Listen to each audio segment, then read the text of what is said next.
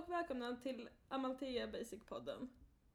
Vi på Amalthea Bokcafé har som mål att dokumentera och sprida vår föreläsningsserie Basic. Vår förhoppning är att föreläsningen ska täcka de viktigaste delarna av de teorier och praktiker som den autonoma rörelsen bygger på. Föreläsningen sker här i vår lokal på Kristianstadsgatan 41C i Malmö. Basic, basic, basic. Basic, basic, basic. Basic, basic, basic. Basic, basic. Basic.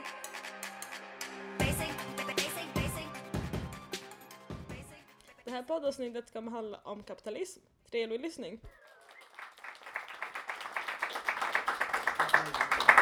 Eh, ja, vad kul att det är så himla många här. Eh, känns lite nervös. Men eh, jag vill inleda med att säga att om det är någon som inte hör vad jag säger så säg gärna till för att jag ibland så, jag börjar högt och sen så pratar jag lägre. Så eh, bara, var inte rädda för det. Då försöker jag prata starkare. Eh, ja, lite kort om mig. Jag har pluggat sociologi och idéhistoria. Eh, men framförallt så har jag jobbat på en massa olika skitjobb samtidigt som jag har varit politiskt organiserad. Och det är lite grann utifrån det som jag kommer prata om liksom, vad jag har för basic kunskap om kapitalismen.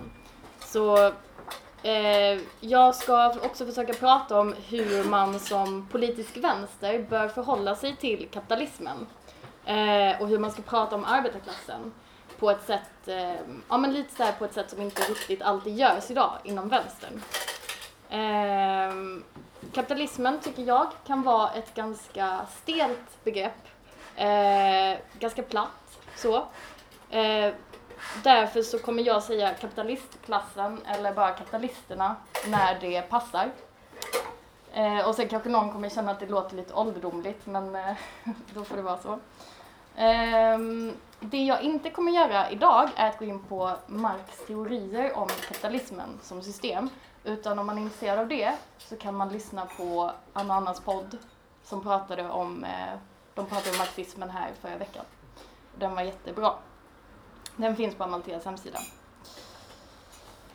Ehm, ja, föredraget som jag kommer hålla har två delar. Eh, den första har rubrikerna Klassamhället, om kapitalisten själv får välja, och eh, kapitalistklassen som global kraft. Och då ska jag försöka teckna en ytlig bild av hur kapitalistklassen är en, alltså hur de arbetar globalt, väldigt ytligt då. Eh, och sen den andra delen, den eh, handlar om då vad som är relevant kritik av kapitalistklassen idag och vad som inte är särskilt relevant utifrån vad jag anser. Eh, och sist också eh, prata lite om offerkoftan som dras på arbetarklassen, ursäkta. Eh, men att varför man ska göra det och att, och att politiska vänstern ofta gör det, kanske utan att förstå att det är det den gör. Och varför då jag tycker att det är en riktigt dålig idé. Så. Um, och jag kommer tala ganska mycket utifrån mina egna tolkningar och funderingar. Så i slutet så kommer det finnas utrymme att prata om vad man har, ja, lite olika saker. Typ vad jag har pratat om. Eh, för att man kan inte hålla med mig. Eller ja, det kan ju bli väldigt intressanta diskussioner. Yes. Så, klassamhället om kapitalisten själv får välja. Det är alltså, eh, ja, klassamhället är det samhället som kapitalisten väljer. Om han får, eller hon får välja. Eh, I kapitalismen produceras varor som säljs på en marknad. Eh, den stora grejen med det här systemet är att det finns några få som äger produktionen av varorna medan de flesta av oss inte gör det. Vi som inte äger någonting får då förhoppningsvis sälja vår tid, sälja vår arbetskraft till en som äger produktion av varor. Och det här kallas lönearbete och det är det som de flesta håller på med helt enkelt. Den som är bra på att äga produktion av varor gör en vinst på den arbetskraften som den har köpt. Eh, när den säljer vidare varorna som arbetarna då har producerat, eller tjänsterna, vad det nu kan vara. Eh, då är det en kapitalist. Eh, då ska vi se. Så. Ja. Ehm, Viktigt att komma ihåg är, här är att eh, vi som lönearbetare alltså är en vara i produktionen. Inte liksom en, en person egentligen. Eh, vi är en vara som kapitalisten faktiskt gör en vinst på. Eh, det här låter typ lite otrevligt att man är en vara så därför så brukar man inte prata om det så öppet från kapitalistklassen. Eh, om ni kommer ihåg Occupy Wall Street som eh, för runt fem år sedan eh, drog igång i USA. Eh, de hade ju ett känt slagord som var We are the 99%. Och de syftade på att det finns den andra procenten som kontrollerar ekonomin. Och, och det är ju ett väldigt slagkraftigt slagord för att det låter inte heller så himla trevligt att det är en procent som sätter oss andra i skiten när det krisar. Att det liksom är, det är ett väldigt odemokratiskt förhållande. Eh, och det, det slagordet är inte fel, men man kan gå lite djupare in på det här för att förstå mer om hur kapitalisterna har ordnat klassamhället för sig på bästa sätt. Så, eh, det här är en fin pyramid som är, den eh, fyller sin funktion kan man säga. Ehm, det är en pyramid då för att liksom göra det pedagogiskt att det handlar om en maktrelation mellan de här klasserna och eh, journalisten och författaren Kajsa Ekis Ekman när hon håller föredrag om kapitalismen så har hon använt sig av det här fast i ett, ett snyggare format. Eh, toppen är kapitalisterna, utgör 1% av befolkningen ungefär. Eh, under dem har vi småborgare, ganska gammaldags uttryck liksom, men det är typ eh, mellanchefer eller eh, ja, men, nej okej, höga chefer, personer som äger mindre företag eller kontrollerar stora eller halvstora företag. Eh, sen har vi under dem mellanskiktet, där är typ eh, det som man lite slarvigt brukar kalla medelklassen, men typ mer så arkitekter, lärare, journalister typ. Eh, och sen arbetarklassen, det är de som jobbar med liksom mellanskiktet gör. Och sen arbetslösa då, 7 procent, de som är längst ner. Ehm, de arbetslösa fyller de arbetslösa är arbetslösa, de kan ha liksom olika klassbakgrund, de har bara blivit arbetslösa. Men de utgör en väldigt, väldigt viktig del i det kapitalistiska samhällsbygget som vänstern inte pratar så mycket om idag. Ehm, de arbetslösa fungerar avskräckande på de andra som är i hierarkin över dem. Ehm, de får oss andra, eller de som jobbar, att acceptera kassa förhållanden i, i arbetslivet.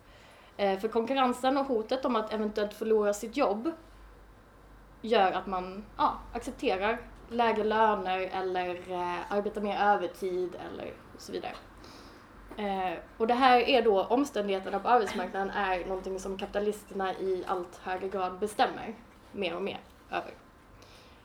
Eh, och ett exempel på det är till exempel bemanningsföretag eller, eh, ja, det tycker jag är det tydligaste exemplet för det var olagligt och sen så blev det lagligt. Eh, och man kan dra paralleller bakåt till när det fanns daglöneri, att det är typ samma form av osäker anställning. Någonting som reformerades bort men sen återinfördes eh, under 90-talet typ. Så.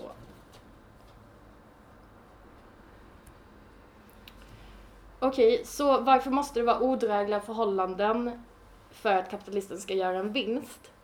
Eh, det måste det kanske inte i 100% av fallen.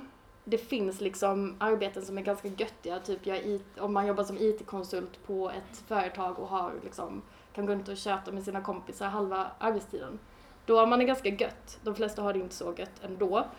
Um, men det är samma relation oavsett liksom, hur du har det på ditt jobb. Om du inte äger produktion av varor eller tjänster så är, och du lönearbetar så är det samma, i grunden samma relation mellan dig och kapitalisten. Eh, och det är för att det som ger liksom, kapitalisten sin vinst i slutändan är att den tar ut ett mervärde på vad lönearbetaren producerar. Så förenklat kan man säga att lönearbetaren går till jobbet och jobbar gratis en del av dagen och det, det värdet som den producerar under de timmarna, det tar kapitalisten ut i vinst. Och den kan inte göra det på någon annan vara, den kan inte göra det på robotar, liksom, den kan inte göra det på maskiner, det är bara på mänskligt arbete som det, det går. Så. Uh, för ingen vet hur mycket en människa kommer producera. Liksom. Um, Ja, okej, men det som är viktigt nu är att den här ordningen, den kapitalist, det kapitalistiska systemet, det är ett globalt system. Det finns inte bara i Sverige, det vet ni redan. Um, men för att liksom ge en bild av hur det är ett globalt system så kan man tänka lite på vad Stefan Löfven har för vision om Sverige idag. Uh, han vill ju att Sverige ska vara ett kunskapsland, att Sverige ska inte konkurrera med, med lägre löner utan vi ska konkurrera med kunskap. Och det är inte för att han älskar de gamla grekerna liksom, utan det är ju för att han eh, Ja, jag kommer in på det sen, förklara det. Han har också sagt att han vill se ett globalt handslag mellan kapital och arbete.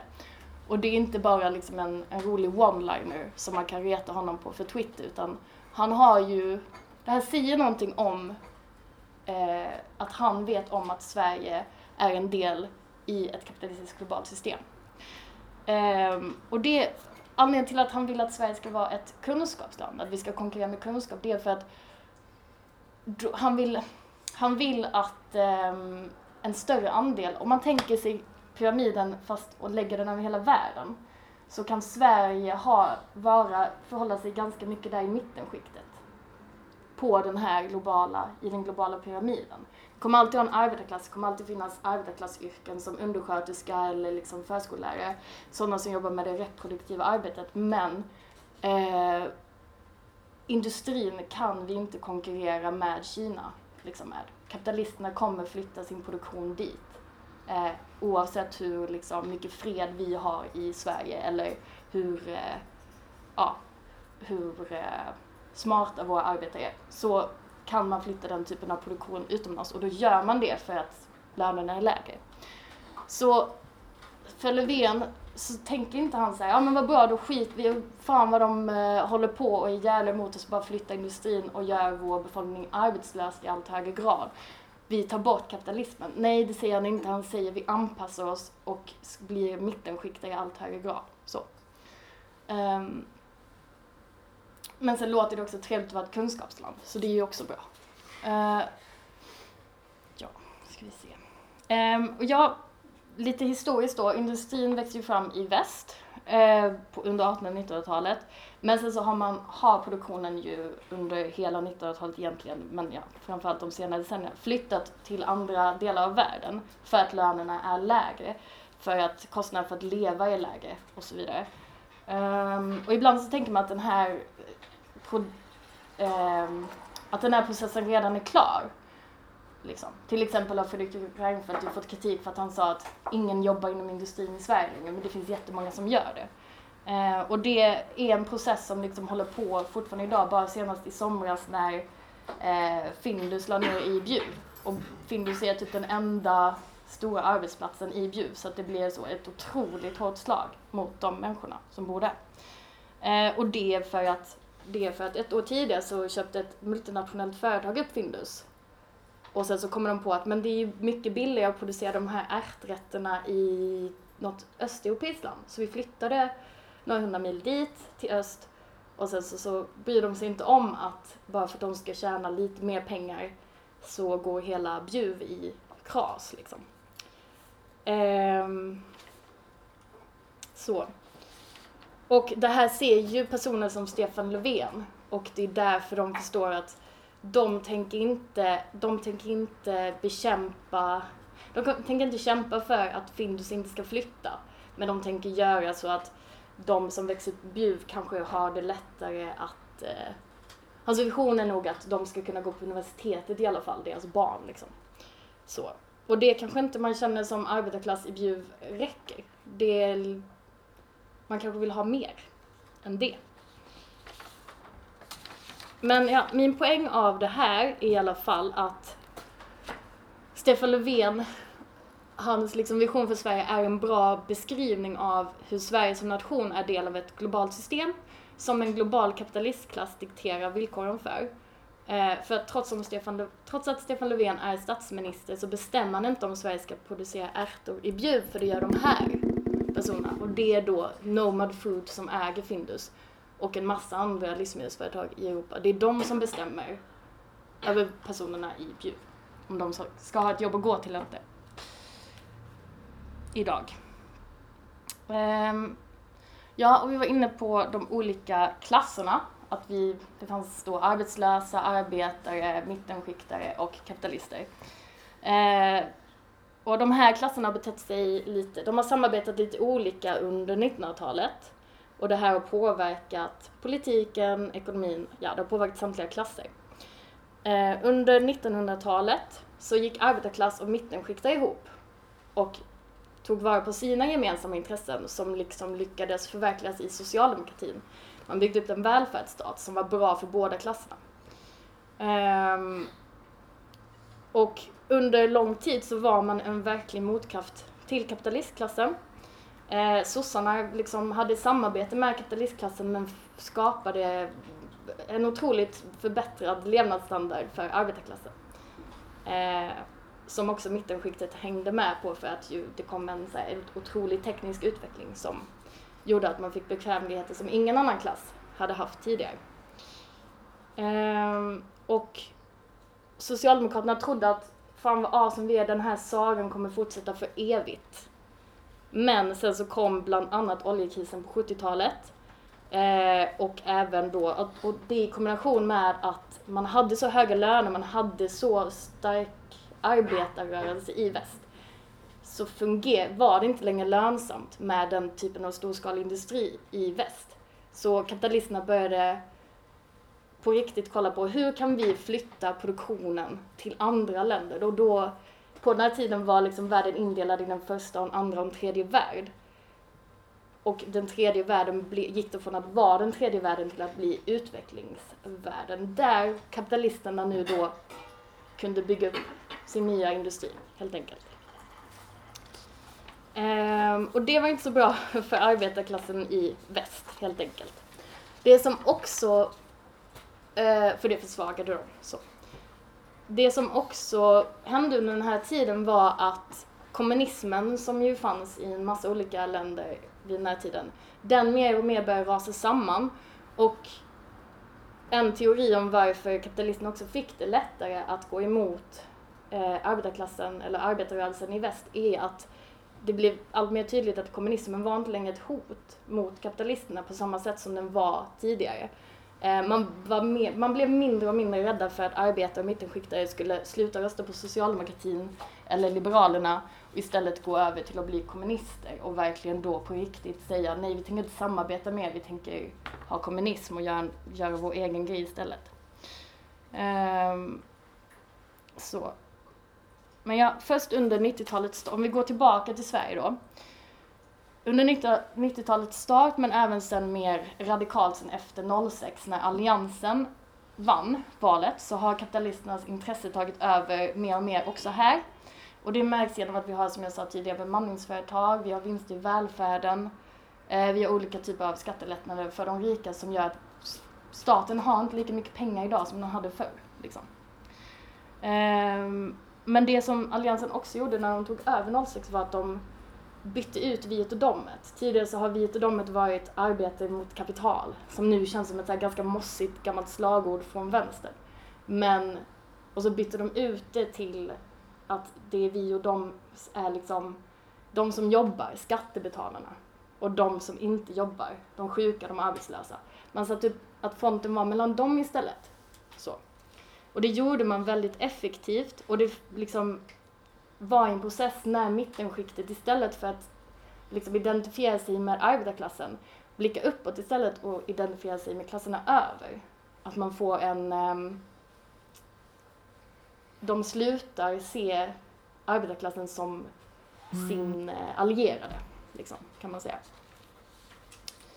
Uh, och det här är inte någonting som folk går runt och bara säger ah, nu ska jag sluta identifiera mig med den här klassen, utan det är sånt mm. som händer liksom eh, över lång tid.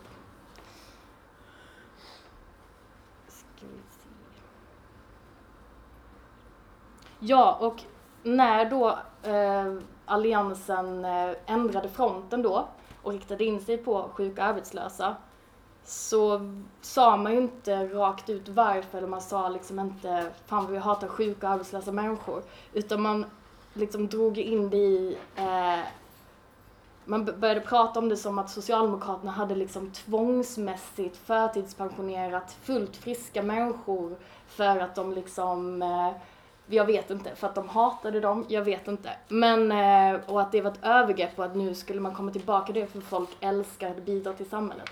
Och det gör säkert folk, men det var ju inte det, därför, det är inte därför folk är arbetslösa liksom. Ehm, ja, ska vi se. Det som är viktigt med att förstå med det här som jag babblat om, liksom vad alliansen har gjort och att de liksom skiftar fronten mot de sjuka och de arbetslösa, det är inte för att de är typ tråkiga människor eh, eller inte gillar kultur eller någonting, utan det är för att det är ett klassintresse. Eh, och det är det jag tycker man ska prata om det som. Man behöver inte prata om det som nyliberalism eller någonting, utan så här, det är ett klassintresse från en grupp människor som har väldigt mycket makt i världen och i Sverige. Så. Och de har också olika resurser. De har liksom PR-byråer, de har väldigt mycket makt politiskt. Och de kan eh, nå ut med den typen av budskap samtidigt som de påverkar politiska processer och även då kontrollerar ekonomin. Ehm, yes. Okej, jag har pratat jättemycket om kapitalismen som globalklass ändå, men ska gå in lite mer på det igen. Ehm, kapitalistklassen har alltid varit en global kraft, men det har varit liksom lättare och svårare för dem att vara det under olika perioder. Eh, många länder har haft så här, så protektionistiska lagar som går ut på att man, det är dyrare för kapitalisten att sälja en vara i det landet som inte den har producerat där. Och det gör man för att skydda den inhemska produktionen, för att skydda de inhemska jobben. Ehm, och sen istället då så skapar man frihandelsavtal mellan olika stater som då, ja men vi kan handla med varandra utan de här tullarna till exempel. Då blir vi lite kompisar och sen så gynnas kapitalisterna inom den sfären. Ehm, yes. Mm. Men varför är kapitalisterna en global kraft när vi andra ser oss som att vi ändå lever typ i nationer eller i städer eller i så? Eh,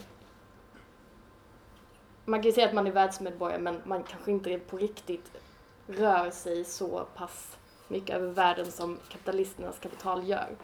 Eh, kapitalisten vill hela tiden expandera, den vill göra mer vinst. De är individualister och deras drivkraft är att skapa mer vinst åt sitt företag, sitt intresse. Eh, man konkurrerar gärna, kan konkurrera gärna ut varandra, man köper gärna upp varandra. Eh, och till exempel IKEA då, blå och gul logga. Men det betyder inte att Ingvar Kamprads största mission i livet är att liksom skapa arbeten åt svenskar, eller så här, svenska arbeten åt svenskar. För att han förlägger sin produktion där, där den är billigast att ha, helt enkelt.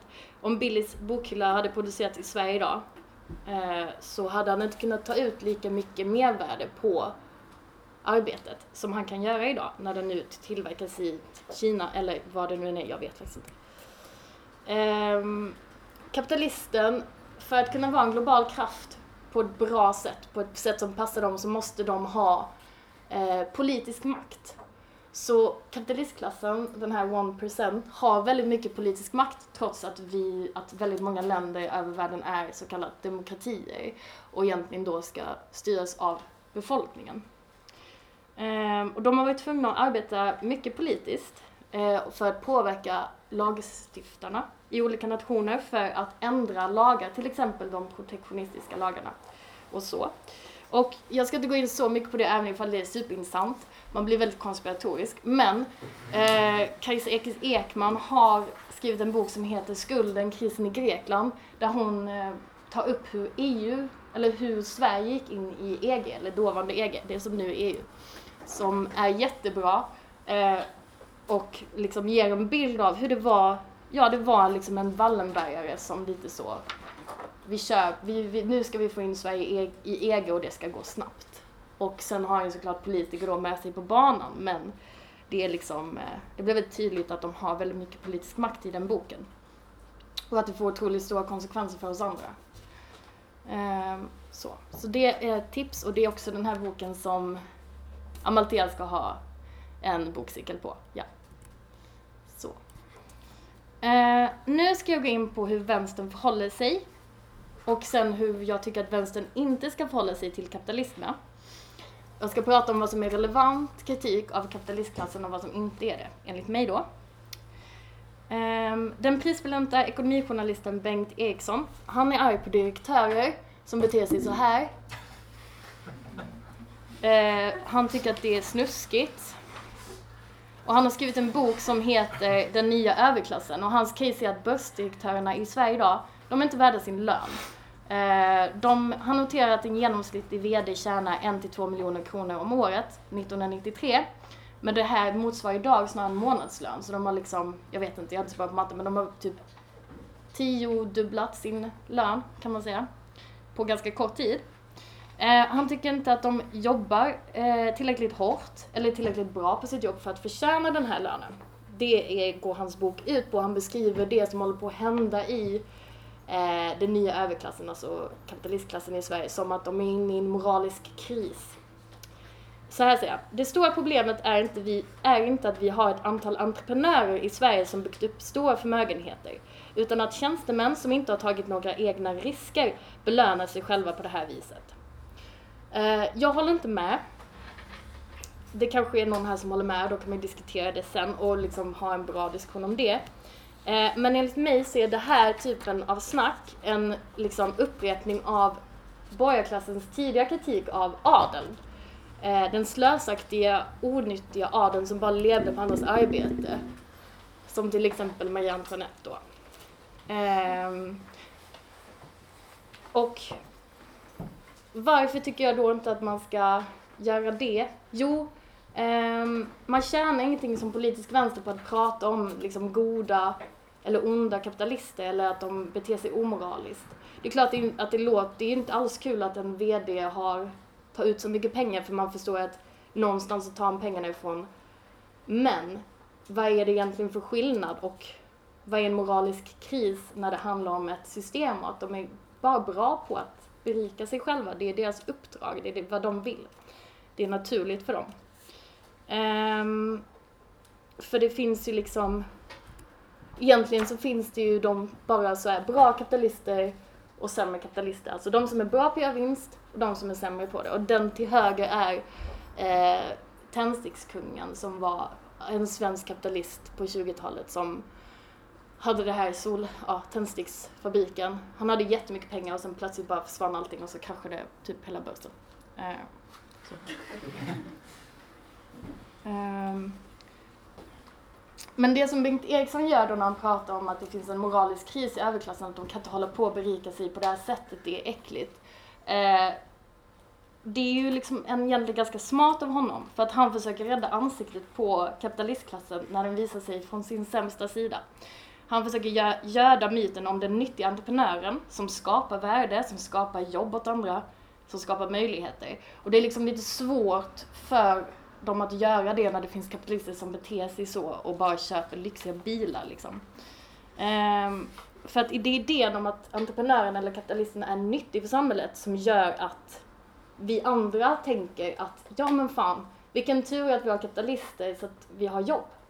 Eller vilken tur att vi har kapitalister så att någon betalar företagsskatt så att vi har vård. Så. Eh, det är därför man inte ska prata om entreprenörskap som någonting nyttigt. Um, för att om man går med på att det finns goda och dåliga kapitalister så går man också och man går med på att entreprenörer skapar värde åt andra. Då tycker inte jag att det finns någon idé med att, att liksom vara en politisk vänster. För då finns det ingen idé med att stötta systemet, för man vill ju inte ta bort den som skapar värde åt oss andra. Det är en jättedum idé, vad gör vi då? Jo men då får vi ju typ, jag vet inte, äta gräs, typ. Eller flytta tillbaka till hyddor. Man vill ju ändå leva i ett samhälle, eller jag vill det i alla fall. Jag vill leva i ett samhälle där det produceras varor. Liksom. Um, Så det man inte ska göra är alltså att prata om kapitalister som omoraliska eller onda. Utan man ska motsätta sig hela idén om att de ens har nytta i samhället. Så. Och det här kan man då göra på lite olika sätt. Till exempel, nu ska jag gå in på en liten avstickare, men när det var flyktingkrisen förra året så var det liksom väldigt många som blev besvikna på Socialdemokraterna och Moderaterna när de pratade om att de inte ville ha någon invandring och sen så kom Centerpartiet, nej, nu är den borta, fan. Ja skitsamma, det ska vara en bild på Fredrik Federley i alla fall. För att han är för fri invandring. Och varför är han det? Det är ju, alltså, okej jag tvivlar faktiskt inte på att han faktiskt bryr sig om människor. Jag tror att han verkligen säkert vill eh, så, rädda flyktingar. Men framför allt så vill han ju fri invandring för att han vet om att det pressar ner lönerna för alla och att det är bra för kapitalistklassen. Och han företräder deras intressen. Så. Och det är därför som man som politisk vänster inte ska bara åh vad kul en centerpartist är för fri invandring utan man ska liksom komma ihåg varför man själv är för fri invandring istället. Så, och det är svårt att göra det när alla runt omkring en som man liksom tidigare har såhär bara, ja ah, sossarna kommer väl då aldrig stänga bron till exempel. När de ändå gör det då, då förstår jag att det är liksom lätt att greppa smulorna. Men eh, man får liksom aldrig glömma bort eh, vad de olika klassintressena är. Så. Det är min poäng. Eh, ja, att motsätta sig idén om att kapitalisten skapar värde, det är det som är klassmedvetande. Så vem är det då som skapar värde i kapitalismen? Om vi då säger nu att det inte är entreprenören. Eh, och då, då jag kom in på att det är därför man måste sluta dra på arbetaren en offerkofta, för det är arbetaren som skapar värdet. Så. Där kom han. eh, och jag tycker att det ibland är liksom svårt att ha klassmedvetande för att man blir ganska motad, man blir liksom matad med att entreprenörerna är awesome och att vi alla ska bli det. Ibland känner jag att jag vill också bara bli entreprenör. Eh, men man kan läsa den här lilla dialogen av August Strindberg som ju var kvinnohatare, men han skrev också den här som är ganska bra. Eh, och jag ska läsa den ändå, fast den är lite lång. Vad sa ni till mannen där borta? Jag sa att han skulle arbeta fortare. Men vilken rätt har ni att befalla över honom? Jag betalar honom för det. Hur mycket betalar ni honom för det då? Tio kronor om dagen. Varifrån får ni pengarna att betala honom med? Jag säljer sten. Ja, men vem hugger stenen som ni säljer? Det gör han. Och hur mycket hugger han om dagen? Han hugger väldigt mycket sten på en dag. Hur mycket får ni för det? Ungefär 50 kronor. Men då är det ju han som betalar er 40 mm. kronor för att ni går omkring och befaller honom för att arbeta fortare. Ja, men jag äger ju verktygen och jag äger maskinerna. Hur blev ni ägare av dem? Jag sålde huggen sten och fick in så mycket pengar på det att jag kunde köpa in verktyg och maskiner. Och vem hade huggit den stenen? Tig Dumbom. Ja, alltså det som, om man uppfattar det, det roliga i den här så förstår man att det som blir tydligt är att det är ju den som hugger stenen som har skapat hela värdet. Och kapitalisten betalar bara 10 kronor men värdet på den arbetade tiden är 50 kronor. Så, så att det är det som är det tråkiga med kapitalismen. Att arbetarklassen inte får, eller de som lönearbetar, får inte hela kakan av vad de producerar. Um, för om man verkligen inser att kapitalisten inte kan plocka bort arbetaren ur sin ekvation så inser man ju att den som egentligen potentiellt har makten över hela, över hela produktionen är arbetaren.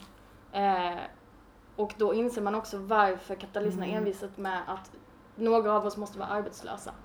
För att om man, inte, om man inte har några arbetslösa så riskerar man inte att inte kunna betala sin hyra eller äta mat eller ha det gött och då Ja, så då säger man hellre att jag jobbar och blir exploaterad än att jag inte har ett hem. Typ. Så. Och sen så finns ju en lösning på det här, det kallas organisering, men det ska en annan föreläsare ta hand om. Men det här med de arbetslösa, för att knyta ihop igen varför de är så viktiga, det är ju just det att utan dem så har, är det liksom svårare för kapitalisterna att få oss att acceptera att det ser ut så här. Liksom. Ehm, ja. Sen så funderar nu ska jag bara se vad klockan är. Okej, jag har pratat ganska länge. Ehm, jag tänkte att jag kanske ändå hinner prata om eh, Först vill jag bara, okej okay, jag måste bara visa, det är så himla kul. Jag vet inte om ni kommer ihåg. Eh, men typ istället för att prata om att de vill ha arbetslösa, att, att Moderaterna och borgarna verkligen, verkligen, verkligen vill typ ha ännu högre arbetslöshet än vad vi har i Sverige idag och att de vet precis hur de skulle göra för att det skulle bli så. Eh, så gör man den här grejen istället inför valtider.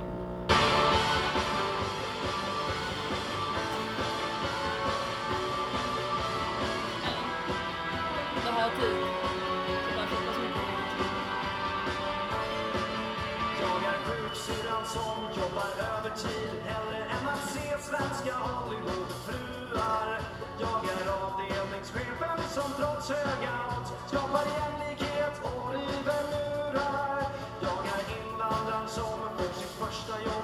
utan att kunna ett enda ord svenska. Och studenten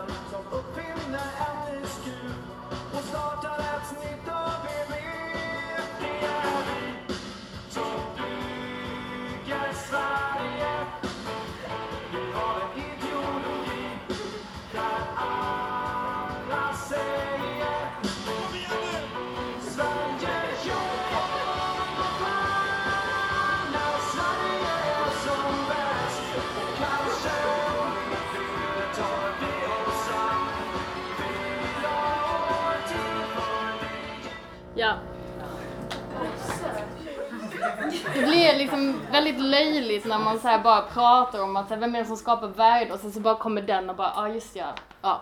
Jag tycker det är väldigt roligt i alla fall. Um, Men jag tänkte avsluta lite grann med att prata om bemanningsföretag. Jag tänker typ att det är väldigt många unga människor här, liksom jag, och då har man antagligen mött bemanningsföretagen i sitt liv. Om du inte har gjort det så grattis. Uh, för det är ett jättetydligt exempel på hur kapitalistklassen har förenklat för sig eh, och lyckats förenkla för sig de senaste decennierna. För att under en tid så man fick liksom inte lov att ha den anställningen, den var bortreformerad. Det var så här, nej men vi ska ha LAS, vi ska ha fasta jobb. Ehm, och sen så ändrades det och nu har vi allt fler som jobbar inom bemanningsföretag. Och jag har själv jobbat inom bemanningsföretag och jag tyckte typ att vissa delar av, av det var ganska gött för det passade mig ganska bra för jag pluggade och hade det som extrajobb. Så. Eh, och jag hade den typen av nollkontakt som man bara egentligen får lov att ha när man också är student eller har en annan huvudsaklig sysselsättning. Men det fanns ändå en massa saker med det som sög så hårt. Eh, och det var väl liksom att det var den mest utstuderat osäkra anställning jag någonsin har haft. Och då har jag i princip bara haft osäkra anställningar i hela mitt liv. Eh, jag körde truck på ett kyllager ehm, och jag var så kallad ambulerande anställd. Och det går ut på att du bara är, alltså jag var alltid arbetslös förutom när jag var på mitt jobb, när jag var instämplad. När jag stämplade ut så hade jag inget jobb längre. Eh, jag hade liksom, det var så det var. De hade i noll, det fanns ingen garanti att de skulle ge mig, att jag skulle få komma dit nästa dag igen, eller någonsin igen. Eh, och sen så var det ju så att jag fick ju komma dit minst en gång i veckan i två år för de behövde ju mig. Men det fanns liksom ingen garanti. Och hur det då påverkade mig som arbetare där, det var ju att, att jag ju jobbade mer än vad jag behövde. Jag gick inte med i facket för att jag tänkte att om de får reda på om jag är med i facket så kommer de inte ringa in mig imorgon. Eh, och en massa, massa sådana saker som liksom Ja, jag gick helt enkelt emot allt det jag tror på för att jag tänkte att om jag inte gör det, eller om jag gör det så kommer jag ändå inte jobba här. Så då kan jag lika gärna bara vara eh, väldigt följsam. Så. Och det är inte för att jag är dålig, eller jo det var ju lite dåligt, men det är ju inte för att jag, jag är inte ensam om det, utan det är ju det som är hela tanken med bemanningsföretagen. Att om vi kommer ihåg de arbetslösas roll i kapitalismen så är ju de ambulerande anställda typ den bästa typen av anställning för kapitalisten. För då är du, dels är du med då och då, eller så ofta som möjligt, och skapar mervärde när du jobbar åt kapitalisten. Och sen så, så kontrollerar du dig själv för att du också egentligen är arbetslös. Så. Och det är därför som det här, det är därför som bemanningsföretagen är så fruktansvärt dåliga. Liksom. För att de bara sätter allt som och det var därför de, som daglöneriet en gång reformerades bort. För det, det är fruktansvärt svårt att eh, ha en stark facklig eh, organisering när folk är bemanningsanställda på det sättet. Eller inte alltid, men det blir liksom svårare helt enkelt. Eh, men det tänker jag också att man kan prata mer om sen. Hur kan man då göra som bemanningsanställd och organisera sig politiskt eller fackligt ändå? För det går ju. liksom. Nästa veckas föreläsning sker 21 i 11 från 7 på Kristianstadsgatan 41C i Malmö. Tema för den föreläsningen är feminism. Vill ni ha mer information, likea oss på Facebook, följ oss på Instagram och Tumblr. Men framför allt besök oss på kaféet. Våra öppettider är måndagar, onsdagar och torsdagar 4 till 7. Tack för att ni lyssnade. Basic, basic, basic.